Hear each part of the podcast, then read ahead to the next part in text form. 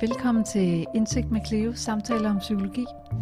I dag har jeg Nina Werner på besøg i mit lille terapilokale, for hun har nemlig skrevet bogen fra selvkritik til self-compassion.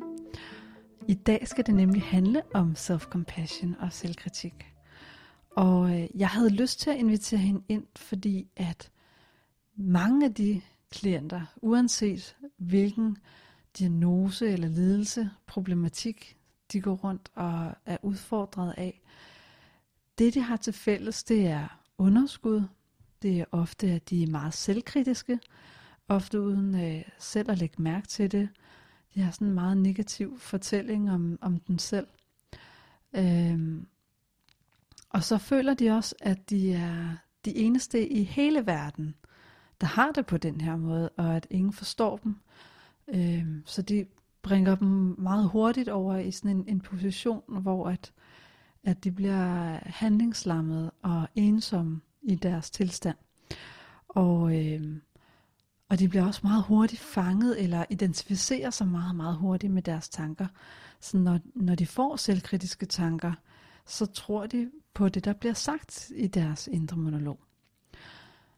Og derfor synes jeg, det er super relevant at, øh, at bringe noget viden og nogle værktøjer til dig som lytter omkring det her øh, begreb, der hedder compassion og self-compassion. Fordi der er rigtig, rigtig meget guld at hente. Jeg har erfaret gang på der gang, hvordan, øh, hvordan mine, mine klienter, der ellers havde øh, modstand på, eller synes, at, at det var ikke noget, man kan, det her med at give sig selv selvomsorg, øh, hvordan det kan berolige dem, og hvordan de forandrer sig og giver sig selv noget, noget kærlighed, som de har så nemt ved at give til andre.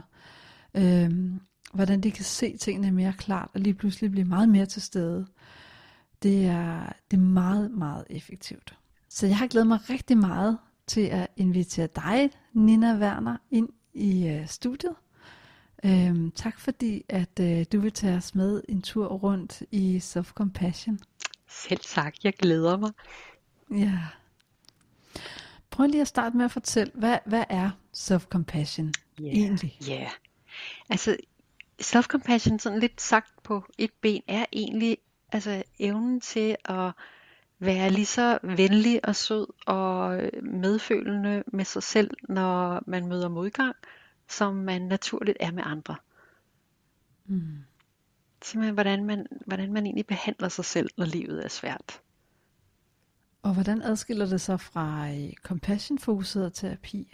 Altså øh, mindful self-compassion, som, som du repræsenterer, kan vi sige? Ja, altså jeg vil sige, at det trækker på meget af det samme. Øhm, mindful self-compassion er sådan lidt et program, der er meget, hvad skal man sige, ressourceopbyggende, altså som egentlig henvender sig til, til rigtig mange mennesker, som bare godt kan mærke, at de har den her lidt hårde tone indvendigt. Altså at, mm. at de godt kan, altså der, der egentlig typisk måske oplever, at deres liv fungerer egentlig fint på, på flere fronter, men der bare er den her tendens til egentlig bare at, at, at altid være lidt presset øh, på grund af, af den indre tone, på grund af de indre ord. Mm. Og hvor øh, compassion focused therapy eller fokuseret terapi, det, øh, det, det arbejder sådan set med det samme, altså måden du behandler dig selv på, men er tit også rettet måske mod folk, der i lidt højere grad slås med, med sådan, ja altså, lidt dybere grad af angst og depression og måske over i noget og sådan lettere psykiatri. Mm. Så hvis man nu sidder og tænker, jamen, øh, de her værktøjer om at, at, at give sig selv mere omsorg eller compassion, øhm, de, de virker garanteret rigtig godt for rigtig mange, men, men de virker ikke for mig. Fordi det, det passer ikke ind i, i min angstdiagnose, eller øhm, øh, at man, man på en eller anden måde, den her indre selvkritiker nok også, er med til at skabe sådan et, et billede eller sådan en, en mindre motivation for at, at bruge self-compassion. Det kan også være fordi, at man er bange for, at man giver sig selv lidt for meget medlidenhed, at man går en offerrolle, eller at man simpelthen bliver for doven og laver for lidt, hvis man giver sig selv compassion. Hvad vil du sige til, til den her mm, lidt selvkritiske stemme, som, som ikke er motiveret for at gå den blødere vej, end hvad vedkommende er vant til? Ja, Jamen, jeg vil sige, at øh, jeg kunne forestille mig, at altså, der er en rigtig god grund til den frygt. Øh, for jeg kunne forestille mig, at der egentlig nok er en motivation til at gå den blødere vej. Men simpelthen mm. en reel frygt for, hvad vil der ske, hvis jeg, hvis jeg opgiver det, som jeg måske i størstedelen af mit liv har på sådan et lidt uerkendt plan tænkt hjælp mig. Altså, mm. der er en grund til, at vi er selvkritiske. Uh, og det vil jeg rigtig gerne komme, komme meget mere ind på. Mm.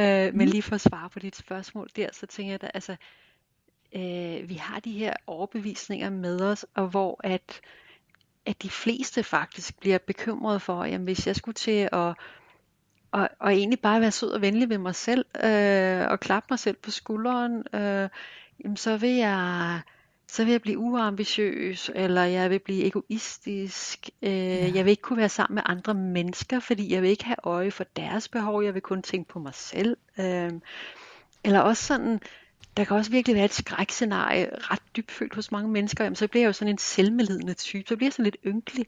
Altså sådan en, der bare sidder mm. i sofaen og har ondt af mig selv, og, øh, og, og aldrig får udrettet noget, ikke får gjort noget, ikke får taget mig sammen. Ligesom der også er en kæmpe frygt for, at man, at man ikke vil blive bedre. Altså at man, at man aldrig vil gøre fremskridt inden for noget som helst. Øh, fordi man, altså mange mennesker tænker, at øh, det er også noget af det, som jeg og mine kollegaer hører rigtig meget på de kurser, vi holder i Mindful Self-Compassion, at mange mennesker siger, jamen, jamen hvis ikke jeg kan korrigere mig selv, hvordan skal jeg så kunne forbedre mig selv? Mm. Øhm, så der er sådan en ret stor misforståelse af, hvad er, hvad er det egentlig at være selvmedfølende? Fordi det interessante ja. er jo, at, at forskningen viser virkelig noget markant andet. Ja, hvad viser forskningen?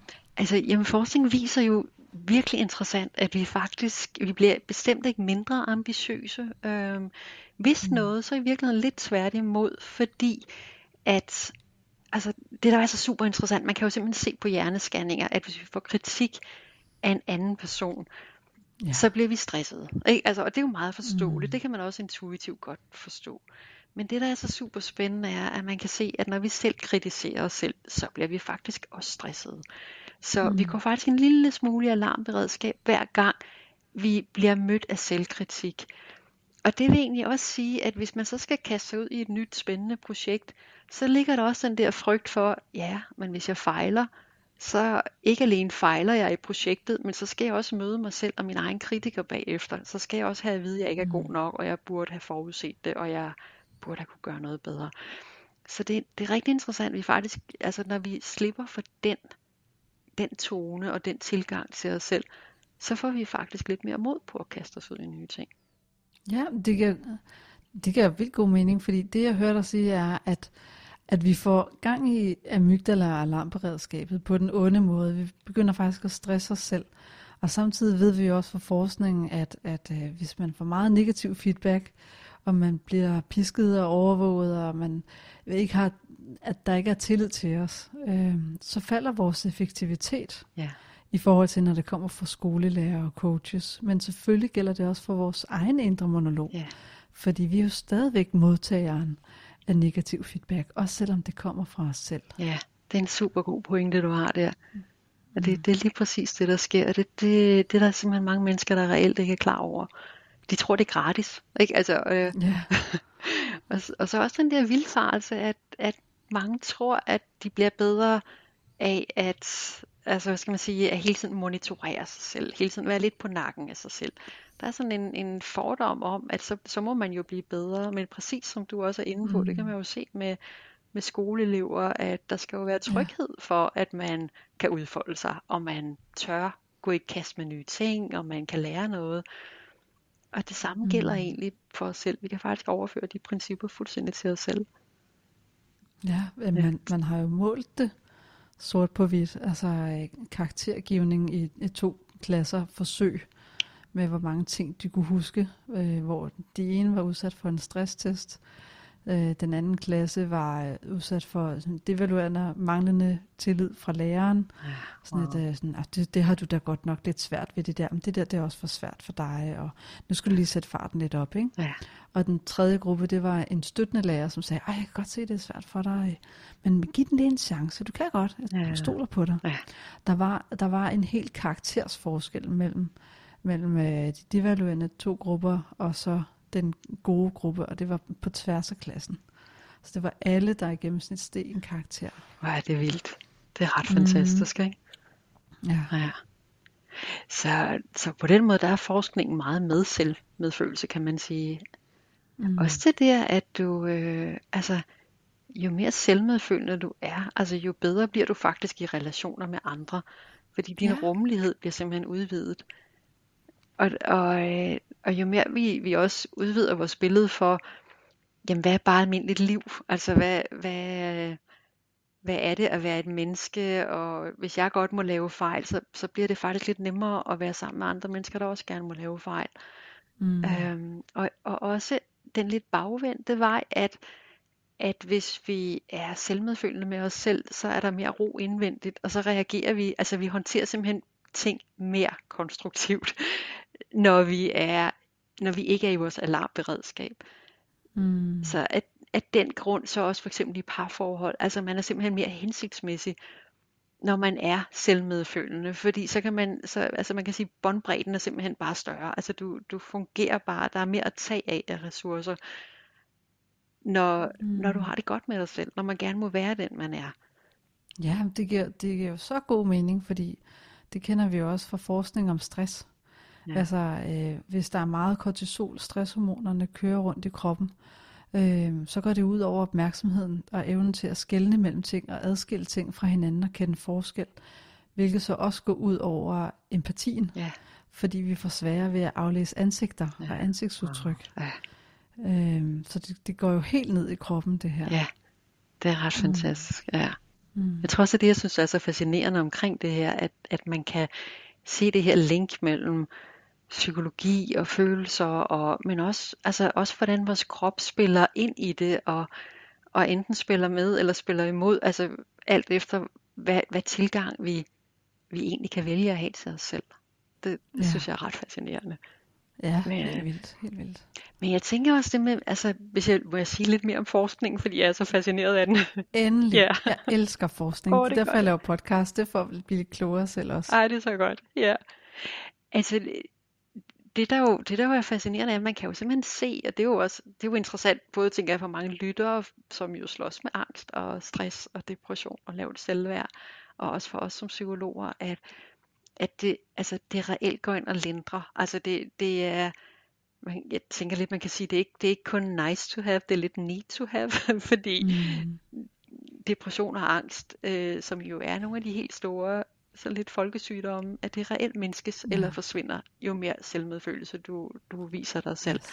Og det er jo, det er jo utroligt, altså et så simpelt et greb, øh, bare i din tilgang til dig selv, bare hvordan du kommenterer ja. på dig selv, faktisk kan gøre, at din depression enten dæmpes rigtig meget, eller reelt forsvinder. Um, Men det giver så god mening, fordi at, at retning og værdier og mål for, nu vil jeg have det bedre, det går virkelig, virkelig langsomt, hvis ikke også du viser dig selv øh, omsorg, medfølelse, ja. og, og giver dig selv plads til også at have de dårlige dage, og anerkende de følelser, vi nu måtte have, som vi alligevel ikke kan styre. Fuldstændig. Ja, det var rigtig meget. Ja. Og så også sådan nogle, altså sådan helt konkrete ting, at man kan se selvmedfølelse, det faktisk har gavnlig effekt på helt fysiologiske ting, altså fysiske sygdomme, altså, det- altså ned til kroniske smerter og blodtryk og hjertekarproblemer, og, og det er jo altså interessant, når, det, Mm. når det bliver så konkret, at det faktisk har en effekt der. Men man kan også mm. se Mm. også med, øh, altså sund levevis, at, at jo mere selvmedfølende du er, jo sundere bliver du faktisk. Og det er jo noget af det, der også kan være interessant Ja. for folk, der kan være skeptiske, fordi de ville have måske en fordom om, at hvis jeg skulle være selvmedfølende, så ville jeg jo bare spise pizzaer og vingummier hele tiden. Så vil jeg blive doven, og så vil alt gå i stykker. Fuldstændig. Ja. Det er meget den modstand, jeg møder i starten, når jeg introducerer de her. Ja, og, og det, det er sjovt nok viser jo det modsatte, men det er jo også fordi, at altså, li, altså ligesom vi er selvmedfølende over for vores børn, og derfor insisterer vi også på, at de skal lære at spise grøntsager og robrød. øh, det er jo fordi, mm. vi vil dem det bedste. Og, og det er jo mm. i virkeligheden det selvmedfølelse også er. Altså der er jo også virkelig den her komponent med at, at slås for noget godt for sig selv. Altså at man, mm. at man vil gerne gøre noget godt for sig selv. Man vil ikke trække sig selv ned og blive, altså leve på en måde, der er rigtig skidt for en selv. Og samtidig kan man også vende den om, når vi snakker om, om selvværdstræning eller sådan medfølelse. Så man, når du går ned i supermarkedet, så køb noget til dig selv, som du virkelig, virkelig godt kan lide, og som er sundt. Ja. Fordi så, så viser vi igennem vores handlinger også mere self-compassion. Ja, det er rigtigt. Mm. Ja. Og, og det handler, altså, der er sådan en skøn psykolog, engelsk psykolog, som snakker om øh, netop handlingens betydning, altså adfærdens betydning, at, at det kan godt være, at man ikke tænker sig selv værdifuld, men man kan starte allerede i dag med at behandle sig selv som værdifuld. Yeah. Og det synes jeg er sådan en dejlig konkret måde også at, at få noget, altså en adgang til at starte mm. self-compassion. Det kan faktisk af til være med, hvordan behandler jeg egentlig mig selv helt konkret. Yeah. Indretter jeg min dag på en rar måde? Øh, lægger jeg pauser ind? Øh, mm. ja, som du siger, køber jeg noget rart til mig selv i supermarkedet? Og, mm. ja. Nina, når jeg har klienter, og vi snakker om den indre selvkritiker i, øh, i ACT, der bruger vi den indre selvkritiker aktivt øh, gennem eksternalisering, og vi anerkender, at det er en del blandt mange dele af vores personlighed, som er i os. Øh, men nogle gange så er spotlyset lidt kraftigere på den her del af os, den indre selvkritiker. Og når jeg ligesom fortæller til, til klienterne, hvorfor den egentlig er der, så introducerer jeg evolutionspsykologien. Det her med, at vi har haft brug for den gennem millioner af år for at undgå at spise det giftige bær, så skal vi kunne fortælle os selv, åh, oh, den skal jeg huske, den var giftig, den var dårlig for mig. Øhm, og vi skal også øh, kunne genkende situationer, hvor vi øh, begik fejl, så vi kan gå hen og sige undskyld, hvis vi skal blive ved med at være sociale væsener. Så den her indre selvkritiker har jo været rigtig, rigtig god, og den har sikret vores overlevelse. Men på et tidspunkt, når den tager over, den er jo stadigvæk en del af os. Når den tager over, så sammenligner den lidt med en overbeskyttende ven. At det giver mening, at den er der, at det er okay, at den er der, men den skal heller ikke være der for meget, fordi så smadrer den det hele for os. Så selvom den har en, en, en god motivation, eller et godt motiv, en god hensigt, så er den ikke sund for os. Så er den, så er den irriterende, den larmer for meget, og vi har lyst til bare at skubbe den væk og sige, jeg, jeg, jeg kan godt selv. Øhm, og det er det, vi arbejder med i, uh, i ACT, netop ved at eksternalisere den, øh, se at den er der, være villig til, at den gerne må larme, men, men så ikke holde fokus på den, men gøre noget anderledes, end det selvkritikeren siger, vi skal gøre. Hvordan fortæller du om selvkritikeren, når du bruger din store viden fra Mindful Self-Compassion? Yeah. Hvordan, hvordan giver du psykoedukation om selvkritikeren? Ja, yeah. oh, det er et rigtig fint spørgsmål. Jeg kan godt lide et eksempel med, med bærene. Mm. Og, ja. ja. Øh, jeg plejer egentlig til en start faktisk at lidt udforske med folk, øh, hvad vil selvkritikeren gerne? Altså, hvad er egentlig den gode ja. intention i den? Præcis. Fordi det er jo, der er jo altid en god intention, og det er jo netop noget med mm. at og, altså, og jeg tænker, der er både noget, der er noget sådan lidt, lidt universelt, altså det her med flokdyr, som du også er inde på, at, at vi er så sociale væsener, vi har ikke råd til at falde udenfor og blive dømt ude, og, og folk vil ikke være sammen med os. Altså der er det jo så fint, at mm. der er en instans inde i os, der hele tiden sørger for at, at fintune. Også selvom den kommer til at gøre det på nogle måder, der egentlig ikke er gavnlige. Øhm, men der er den, og så er der selvfølgelig også det individuelle. Altså sådan, hvad, hvad, øh, hvad har man med sig, som, som har gjort, at man, at man får den her selvkritiske stemme? Hvad er det, den gerne vil prøve at i virkeligheden lidt redde en fra? Ikke? Altså, mm. øh, det kan være, at man har man har oplevet at være i en svær klasse i, i sit folkeskoleliv, og yeah. man måske blev holdt udenfor. Øh, og så, så den her selvkritiker, den vil, jo, den vil jo bare gerne have, at man er at man er elsket, og man er med, og øh, man er en del og man ikke træder forkert igen. Ja, lige præcis. Og så, vil den, så prøver den at finde måder, og, og, men det er lidt forbandet at selvom den ikke nødvendigvis finder en god måde, så bliver den ved med at prøve. Altså den ligesom bliver ved med at stå og banke på samme dør, kan man sige, selvom der ikke er noget, der åbner sig. Øh, så den vil blive ved med at fortælle dig den samme historie, at jamen, du må bare tage dig sammen, eller du må bare øh, prøve at gøre det rigtigt, eller du må bare, øh, kom nu, lad nu være med at være genert, og så bliver man desværre endnu mere genert, fordi den har det der hårde tone. Men der er en god intention mm. i det. Altså der, der, der er så godt som altid en god intention. Og når jeg siger så godt som altid, så er det fordi en gang imellem, så er det også bare en overlevering fra en meget kritisk forældre. Altså hvor, hvor mm. det egentlig slet ikke er ens egen stemme. Der egentlig ikke er noget inde i en, der, der prøver at afværge et eller andet. Eller... Nej, det er ekko fra fortiden, som ikke kan stoppe med at snakke. Ja, lige præcis. Og så skal det egentlig bare anerkendes, og så er der endnu mere grund til selvmedfølelse. Mm. Men, men så det er tit det der, både egentlig at se, hvordan er det en del af os, at vi bliver selvkritiske, øh, og så også den der at være ens eget personlige tilsnit.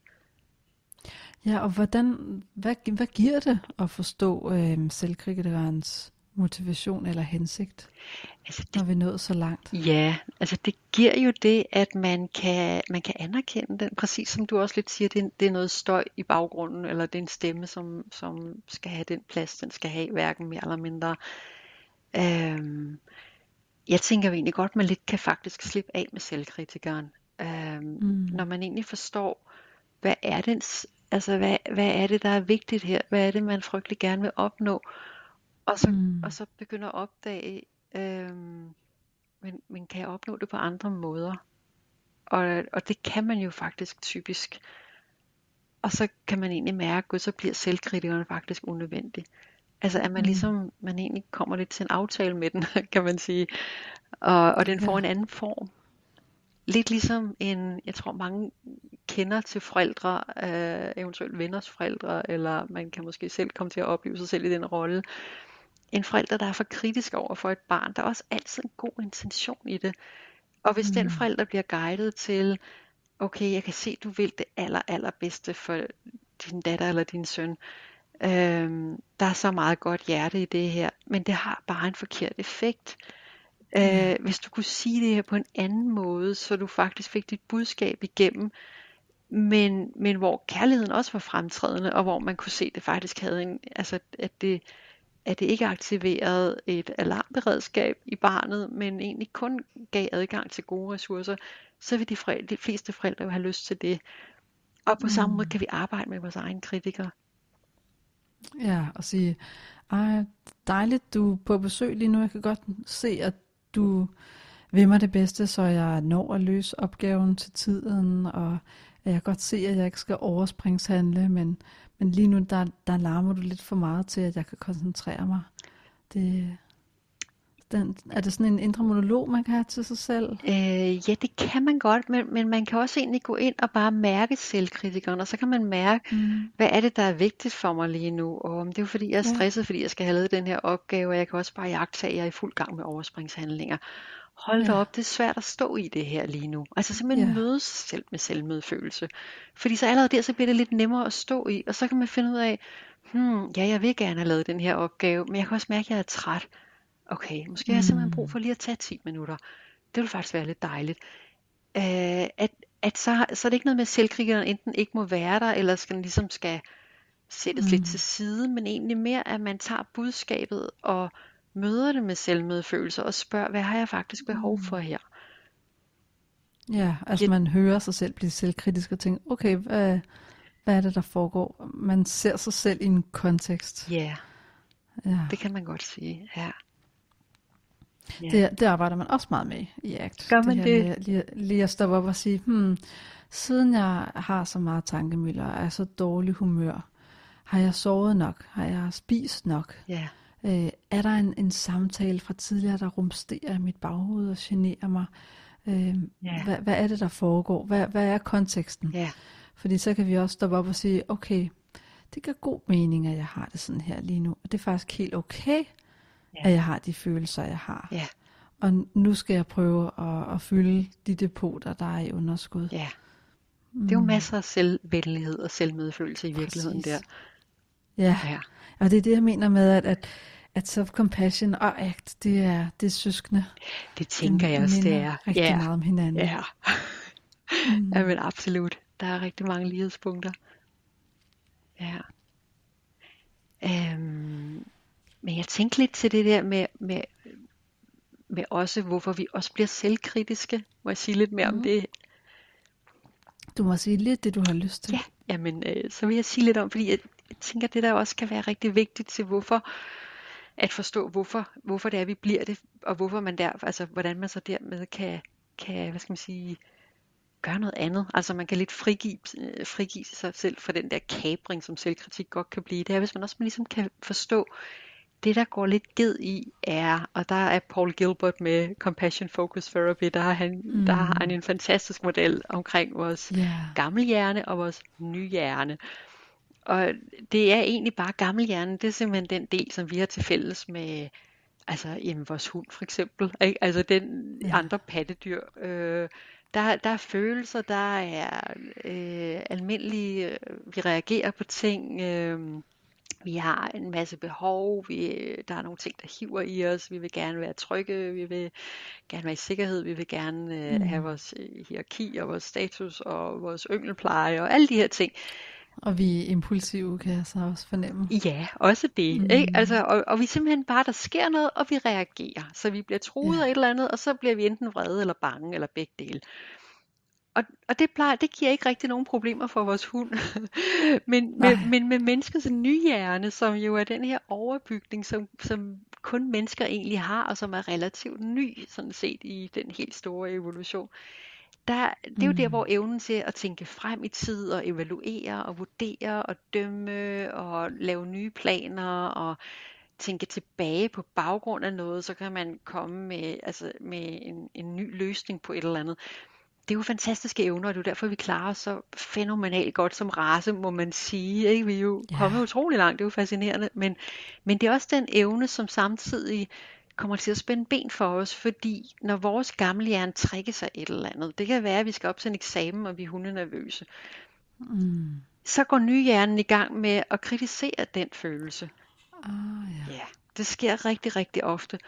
Og når vi så går i gang med at kritisere den følelse, jeg burde ikke have det sådan her, det er jo latterligt, og jeg ved godt, jeg ikke skal ind og, og, og dø, og, ja. og hvor er det fjollet. Nu skal, jeg, nu skal jeg slappe af, for ellers så går det jo ikke så godt. Lige præcis, ja. ja.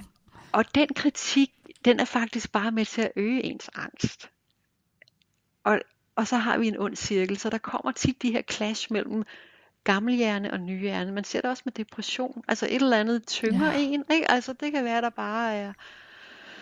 Det kan være, at livet bare er hårdt lige nu. Øhm, mm. Får man en naturlig følelse af nedtrykthed. Og hvis så ikke ens nye hjerne gik ind og, og lavede ballade, altså eller gik ind og gik i clinch med det her, og fortæller en, ej nu må du tage dig sammen, og det nytter ikke noget, mm. og hold dig op, også lidt bekymret, tænk hvis det her fortsætter, så risikerer jeg at gå helt ned med flaget, og hvad skal der så ske? Og alle den her slags bekymrede tanker, det er virkelig med til at øge både depressionen og angsten, og så har man bare en ond cirkel. Det, det er også det, hvor jeg tænker, øh, øh, i forhold til metatanker. Jeg plejer at sige til en klient, jamen, at, at du er irriteret eller ked af det, er måske et problem for dig. Fair nok. Men hvis du begynder at skælde dig selv ud over, at du er irriteret eller ked af det, så har du to problemer, du skal løse lige pludselig. Ja. Fordi de her to, de fordobler altså hinanden. De fordobler det indre tryk. Øh, at det, det føles meget rarere og meget nemmere, hvis vi lige får den placeret på en hylde, og lige er med følelsen, og giver den lov til faktisk at være til stede. Lige præcis. Jamen det er lige nøjagtigt, ja. Mm. Det er, og det er sådan en god måde at håndtere det på. Og, og der, der er det også det, hvis man så kan se, hvad det er, der sker, så kan det også blive endnu nemmere, at altså sådan lidt det, som systemikerne taler om, det her med eksternalisering. Ikke? Altså hvis man kan, ja. hvis man kan se, at Nå, wow, lige nu der, der er der en instans inde i mig, lad mig kalde det nyhjernen, som bare rigtig, rigtig gerne vil have, at jeg skal have det godt, og jeg skal klare mig, og jeg skal være i sikkerhed, og derfor går den i gang med at kommentere på mig på den her måde. Men det, den går i virkeligheden i gang med at kommentere på noget, som ikke er et problem, medmindre jeg gør det til et problem. Yes. Og så er det bare meget nemmere at lægge afstand til det. Ja. Ja. Og presse det ned. Og Ja. Eller ikke øh, lægge afstand til nyhjernen, tænker du på? Ja, og til hele den cirkel, ja. der går i gang der. Ikke? Altså, og så med ja, at bare erkende, hold da op, Øh, jeg føler mig Mm. trist lige nu. Det er okay. Øh, og så måske lidt Ja. hånden på hjertet. Er der noget, jeg har brug for? Mm. Er der noget, jeg savner? Eller skal jeg bare lige være lidt med det? Ja, Ja. ja. Ja, det er også der, hvor vi arbejder med diffusion. Ja, Ja, ikke? ja, At øh, se på det lidt udefra og give det plads samtidig. ja, det er rigtigt. De har den der fine Mm. model med, at man kan have holde det helt op foran øjnene, hvor man ikke kan Ja, se noget klart, og præcis. så kan det være så langt væk, at man ikke har adgang til det. Er det ikke rigtigt? Og så kan man have det i Jo, en jo. afstand, hvor man kan have med det at gøre. Ja, til lytterne, der ikke øh, kan se noget, så holder jeg lige nu hænderne helt op til mit hoved, så jeg kun lige kan se mellem fingrene. Men hvis jeg tager hænderne lidt væk og kigger på mine hænder, så kan jeg faktisk også se det, der er uden for mine hænder. Altså verden, jeg er i. Og det er et rigtig, rigtig godt billede på det her med, når vi kigger på vores egen indre selvkritiker, og kigger på den monolog, vi er gang i, eller er med de følelser, vi nu engang har, uden at prøve at fikse dem, eller presse dem væk, eller blive udmattet af at kæmpe imod dem, Ja. så giver vi os selv self-compassion. Så er det, vi reelt set passer på os selv. Ja, Jamen, det er præcis. Det er et super fint billede. Jeg tænker på de her tre følelsessystemer, som Gilbert har lavet. Ja. Den her grundlæggeren af compassion-fokuseret terapi. Er det ikke rigtigt? Jo, det er rigtigt. Ja. Vil du ikke fortælle lidt om det? Ja. Fordi det, det tænker jeg er en, en super relevant teori at tage ind her. Ja, det er det også. Jamen, han har lavet den her, øh, den her model over tre følelsessystemer, og sådan lidt for overskuelighedens skyld, så er der heldigvis farver på. Så vi har Ja. det røde system, som er vores trusselsystem, og det er simpelthen det system, der rydder bordet. Altså det er, Mm. det er det system, som passer på os, som altid er optaget af at, at fange, altså opfange trusler og farer. Og det har virkelig sådan better safe than sorry tilgang. Mm. Så, så øh, hellere, altså, un, øh, hellere end at misse noget, så vil det hellere tage, altså, være bekymret en gang for meget. Mm. Og Det er brandstationen, der, øh, der giver en alarm, hvis der står en bjørn foran os eller et eller lige andet. præcis. Og det er jo godt, mm. det med Mm. brandstationen. Den er jo rød. Jamen, det er et fint billede. Ja, ja. Jo, og det her trusselsystem, det kan jo både aktiveres af ydre fare indlysende, ikke? Altså sådan helt konkret, vi kan være ved at blive Mm. kørt over, eller vi kan have for meget på arbejde og over for lang tid, så vi begynder at føle, ej, jeg slår ikke til, og det kommer ikke til at gå, og så aktiverer trusselssystemet. Men det kan også være indre ting, det kan jo være regler, man har for sig selv, ikke? Altså hvis man Mm. har en regel om, alt hvad jeg laver skal være noget nær perfekt, eller hvis man har en Mm. regel om, jeg skal altid have kontrol med så godt som alt, eller jeg skal altid tage mig, tage mig fuldstændig korrekt og ordentligt ud. Øh, hvis man har sådan nogle Mm. regler, det aktiverer faktisk også rigtig nemt trusselssystemet. Ja, Ja, jeg skal altid have 12. lige præcis. En klassisk en blandt studerende. Ja, jeg må aldrig sige noget dumt. Mm. Øhm, så, så det her system, øh, det passer rigtig meget på os, men er også samtidig det, der gør, at vi har det rigtig dårligt meget af tiden. Fordi det, det er virkelig ubehageligt at være der. Og så har vi det andet system, som er sådan lidt drive-systemet. Lad os give det en blå farve. Øhm, Mm. og det, der kan vi faktisk godt lide at være, selvom det også er det sympatiske nervesystem. Det var også trusselsystemet. Mm. Øh, når vi er der, så har vi sådan en dejlig følelse af at have et godt flow og få udrettet noget, og man producerer noget, man skaber noget. Det er dejligt at være i gang med noget. Og, og øh, når vi er der, så, så har vi sådan den der følelse af at, og sådan være værdifuld og kunne flyve og kunne en masse ting. Øhm, og, og rigtig ofte så det, der sker for mange mennesker, det er også den, den er god til at vise, hvorfor der er så mange, der kommer til at, at slås med stress og reelt gå ned med stress. Det er fordi, vi kommer til at pendle mellem de to systemer. Man har fuld gang, øh, fuld vind i sejlene og producerer og skaber, og det er også der, vi, vi tit, altså i vores samfund får vi mange komplimenter på det her system. Altså vi får Ja. meget positiv feedback på det, ikke? Altså alt, hvad vi får Mm. skabt, og hvad vi har gang i, og wow. Og, så det bliver også sådan, vi vil gerne have den feedback, så vi kan blive lidt afhængige af at være der. Og samtidig så kan vi blive bange for ikke at gøre det godt nok, og så ryger vi ned i vores trusselsystem. Og så er vi bare i, Mm. så får vi nemt bare et overload på, på det sympatiske nervesystem. Ja, Ja, og det er, jo, det er jo faktisk det system, vi to er lige nu, mens vi optager podcast, ikke? ja, fordi vi vil gerne kre- kreere noget, der er super godt, og vi er flow, og vi vil gerne hjælpe en masse mennesker. Ja. Men vi skal så også huske, at når vi lægger på om lidt, så skal vi tage den pause, så vi kan komme ud af det blå nervesystem, eller det blå øh, følelsessystem igen. Ja, lige præcis. Og det er nemlig, at der siger du også, der kommer du med noget, der giver mig et godt stikord, det er balance, fordi de her tre systemer, og jeg kommer til det grønne om et sekund, men de her tre systemer, der er ikke nogen af dem, der er gode eller dårlige. Det er faktisk, det handler alt sammen om balance imellem dem. Hvor meget er vi de forskellige steder? Der er det helt alt afgørende.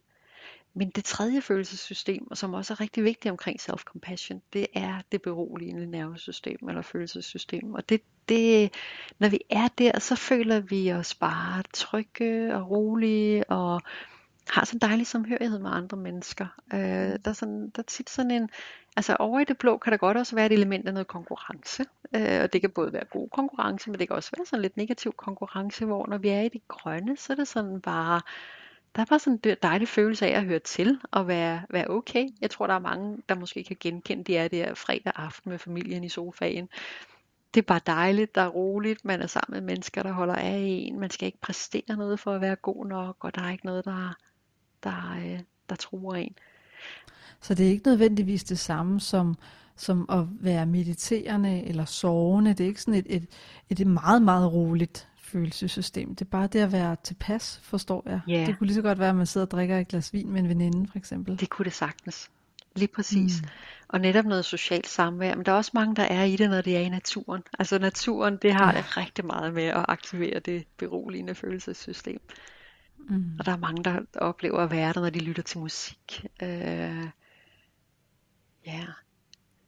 Og, og det, der, det, der bliver relevant i forbindelse med self-compassion og, og de her tre følelsessystemer, det er egentlig at begynde at lægge mærke til, hvordan har jeg det, når jeg befinder mig i henholdsvis det røde, mm. eller det blå, eller det grønne følelsessystem.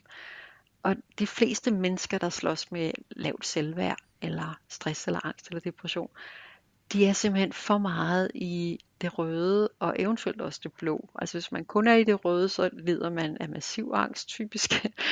øh, det siger næsten sig selv.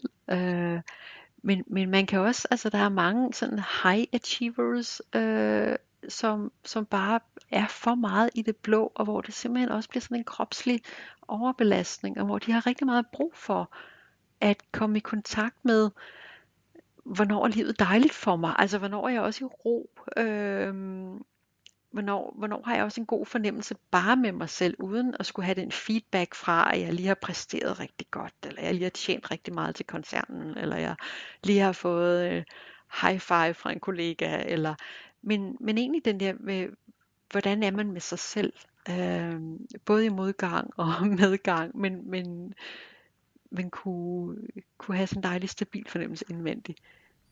Ja, altså det er forskellen på at være en succes, og så føle, at man mestrer noget, ikke? Ja, det kunne man altså, godt fordi sige. man kan, jo, man kan jo godt mestre noget, øh, hvad skal man sige, både på ryggraden og, og, og super godt, men, men man kan faktisk også gøre det gennemsnitligt. Ja.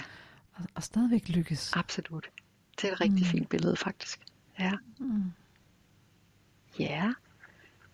Så de tre følelsessystemer, dem bruger vi også til at mærke efter, jamen, øh, lige for tiden, hvor er jeg egentlig mest, og hvor vil jeg egentlig gerne være i noget mere af tiden. Ja, yeah. og der kan det jo være en spændende øvelse, og lige den ved jeg, at man bruger rigtig meget inden for compassion-fokuseret terapi, at man, at man faktisk over en uge måske skriver ned, øh, hvor meget er jeg i det røde, hvor meget er jeg i det blå, hvor meget er jeg i det grønne, og så man får sådan lidt et, et et, et billede over, hvordan ser mit liv egentlig ud, og så mm. bagefter kigger på, hvordan kunne jeg godt tænke mig, det så ud. Er jeg nok mm. i det grønne? Det, det er den, de typiske, altså de, de fleste typisk oplever, den er jeg simpelthen for lidt i. Ja. Og det er meget konkret, altså det er dejligt konkret, det, det, det er ikke så abstrakt og flyvsk og svært at få fat i. Altså igen, vi er meget fysiske væsener, og hvis der ikke er også en, en god grad af reelt fysisk velvære og reelt fysisk ro og glæde og tryghed, så bliver vi faktisk kede af det. Altså man kan ligefrem se, ja, man kan se ked af detheden som et sundt tegn. Mm. Altså den fortæller os, der er noget, du skal have mere af. Og det ja. kan være, at du dermed skal gøre noget mindre af noget andet. Og det er jo det, hvor følelser er jo så fantastiske, og det er derfor, vi ikke må devaluere dem. Ja. Fordi de er jo indikatorer for noget, vi mangler, og nogle behov, vi har. Ja. Mm. Lige præcis. Det er rigtig gode barometre, som vi skal lytte til. Mm. Ja. Og omvendt, hvad nu hvis man kun er i det grønne system hele tiden? Altså fordi du siger, at alle tre systemer er lige gode. Vi har, vi har brug for dem alle tre. Ja. Øh, og vi taler meget om, hvad hvis man er for meget i den blå eller den røde, men hvad hvis man er for meget i den grønne, og, og der ikke er den der spænding og drive, hvad vil der ske ved det?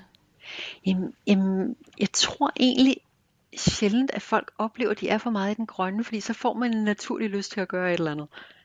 Ja. Altså, så, så kommer der en naturlig lyst til at skabe noget. Øh, mm. Gå i gang med et eller andet.